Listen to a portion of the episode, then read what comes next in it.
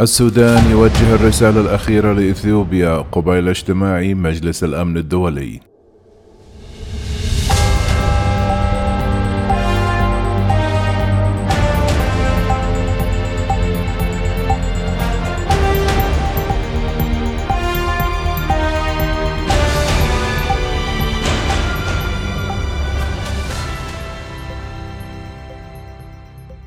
اعتبر وزير الري والموارد المائية السوداني ياسر عباس أن المعلومات التي قدمتها إثيوبيا عن الملء الثاني لخزان صد النهضة هي معلومات بلا قيمة تذكر بالنسبة للسودان بعدما صار الملء الثاني أمرا واقعا.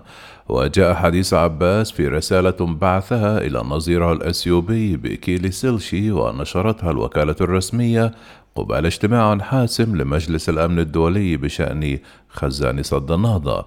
قال عباس في رسالته أن إثيوبيا قررت ملء السد للسنة الثانية فعليا في الأسبوع الأول من شهر مايو الماضي عندما قررت مواصلة تشييد الممر الأوسط للسد وتابع لذلك من الواضح أنه عندما يتجاوز تدفق المياه سعة البوابتين السفليتين فسيتم تخزين المياه إلى أن يمتلئ السد وتعبر المياه من فوقه في نهاية المطاف.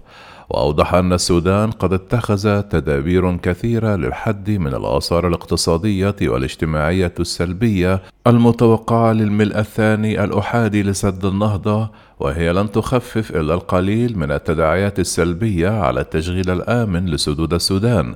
وتقول الخرطوم أنها بحاجة إلى كثير من المعلومات التفصيلية عن سد النهضة كون ملء الخزان يؤثر على شكل تدفق المياه على أراضيها مما قد يؤدي إلى أخطار كبيرة قد تطال سد الروسيرس السوداني الذي لا يبعد كثيرا عن سد النهضة.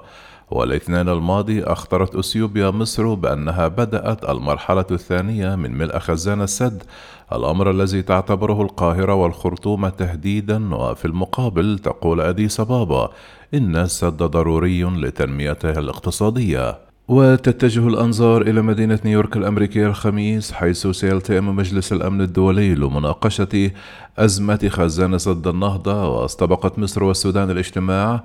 بلقاء جمع وزير خارجية البلدين سامح شكري ومريم الصادق المهدي. تقدمت تونس لشركائها الأربعة عشر في مجلس الأمن الدولي مشروع قرار يدعو أديس أبابا إلى التوقف حالا عن ملء خزان سد النهضة وذلك بحسب ما أفادت مصادر دبلوماسية قبل يومين. وتقول مصر والسودان أنهما توجهتا إلى مجلس الأمن الدولي للنظر في قضية سد النهضة نتيجة التعنت الأثيوبي المستمر ومحاولة فرض الأمر الواقع من جانب أثيوبيا. التقت مريم المهدي بالسفيرة ليندا غرينفيلد المندوبة الدائمة للولايات المتحدة وشرحت موقف السودان إزاء تطورات ملف سد النهضة الأخيرة مؤكدة أن بلادها تهدف إلى تعزيز مسار التفاوض الإفريقي ولا يهدف إلى معالجة الملف بشكل مستقل داخل المجلس.